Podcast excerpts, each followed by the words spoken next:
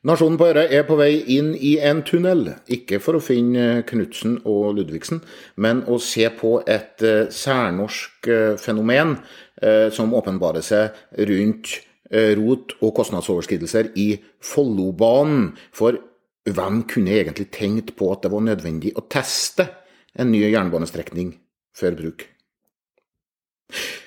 Det er ingen som gjorde ansvarsfraskrivelse som romerne.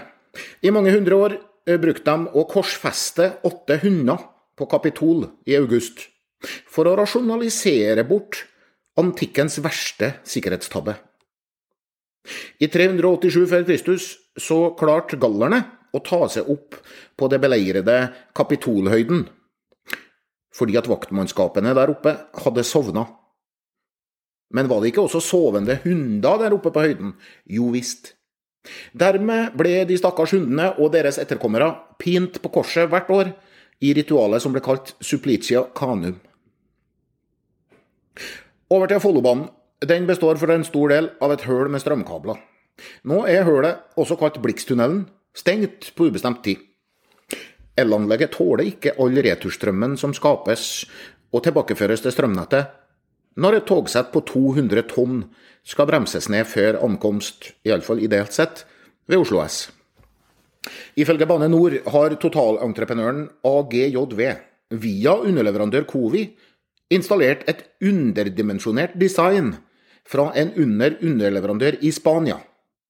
Ja, vi har jo ikke særlig kompetanse på tunneler og kraft her i landet. Bane NOR varsler erstatningssøksmål for å få underleverandørene til å betale for nye ledninger og transformatorer. Hvis jeg var spansk underleverandør, så ville jeg nå ha spurt eh, dere nordmenn, med deres protestantiske arbeidsmoral og gjennomregulerte velferdsstat, dere testa vel anlegget før åpning? Sjøl testa jeg den nye komfyren jeg kjøpte før jul, på salg til 5999 kroner i god tid før den første helgepizzaen min med minstemann. Bane Nor droppa å testkjøre Follobanen til 37 milliarder kroner fordi ja, noen i Bane Nor trodde ikke det fantes noen tog til testkjøre. Eh, det vet vi var feil. Vy kunne fint ha testkjørt tunnelen, de. Men Bane Nor spurte aldri om det. Nå tenker du kanskje at noen i Bane Nor eller Vy kunne tatt en telefon til hverandre. Men å ta en slik telefon er å ta ansvar utover egen organisasjon. Og hvordan skulle det gå med jernbanesektoren hvis alle gjorde det? Det er knapt mulig å opprettholde en offentlig jernbanesektor med Bane NOR, Vy, Entur, Norske Tog AS, Spordrift AS, Baneservice AS, Flytoget og Mantena, dersom alle skulle ta mer ansvar enn de absolutt må. Den eneste måten 50 sjefer på millionlønn i sektoren kan opprettholde lønn og stilling på, er å ligge på den sikre sida og ta så lite ansvar som mulig, gjerne under 2% av totalansvaret.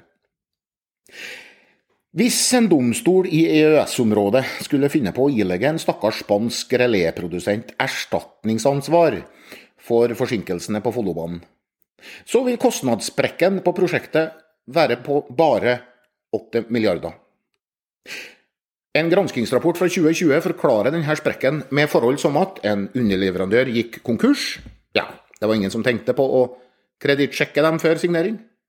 Og på det erstatningsansvaret man pådro seg for å ha brutt anskaffelsesregelverket. Ja, det var det òg, ja. Gravearbeider inn til Oslo S ble 2,9 milliarder dyrere enn forutsatt. Ingen i Bane NOR forutså at det skulle være spesielt dyrt å grave i leirer midt i et bysentrum. Og hvem kan klandre dem for det? Ikke Knut Arild Hareide. Samferdselsministeren fra KrF tok rapporten om overskridelsene til etterretning, og påpekte at 8 milliarder tross alt hadde gitt mye verdifull kunnskap. Av eksempler på kunnskap som vi ikke hadde før 2020, nevner Hareide at prosjekter ikke må kostnadsberegnes for optimistisk. Mm -hmm og at usikre kostnadsanslag må vurderes kritisk. Aha. Dagens samferdselsminister varsler en ekstern gjennomgang, enda en, etter at Follobanen ikke lar seg åpne. Det er lov å fantasere om hva slags ny og revolusjonerende prosjektkunnskap som kommer ut av det her. Kanskje ja, at faglig uenighet om løsning for returstrøm burde vært meddelt administrerende direktør? Muligens.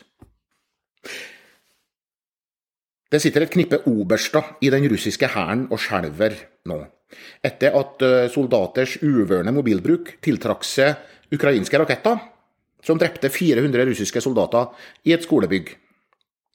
Putin og generalene hans har ansvaret, men i Russland ruller hodene alltid nede i rekkene først.